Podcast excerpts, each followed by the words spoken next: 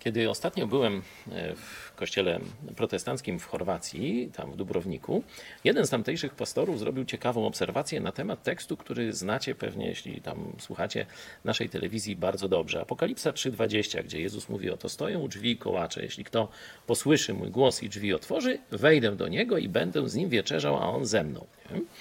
Wszyscy wiemy o co chodzi. Jezus przez całe życie kołacze, dopóki nie otworzymy drzwi, czyli nie nawrócimy się i mówimy, że już masz życie wieczne. Ten pastor zwrócił uwagę na pewien dodatkowy aspekt. Wszystko tamto jest prawda, ale tutaj jest, będziesz jadł ze mną kolację, a ja z tobą.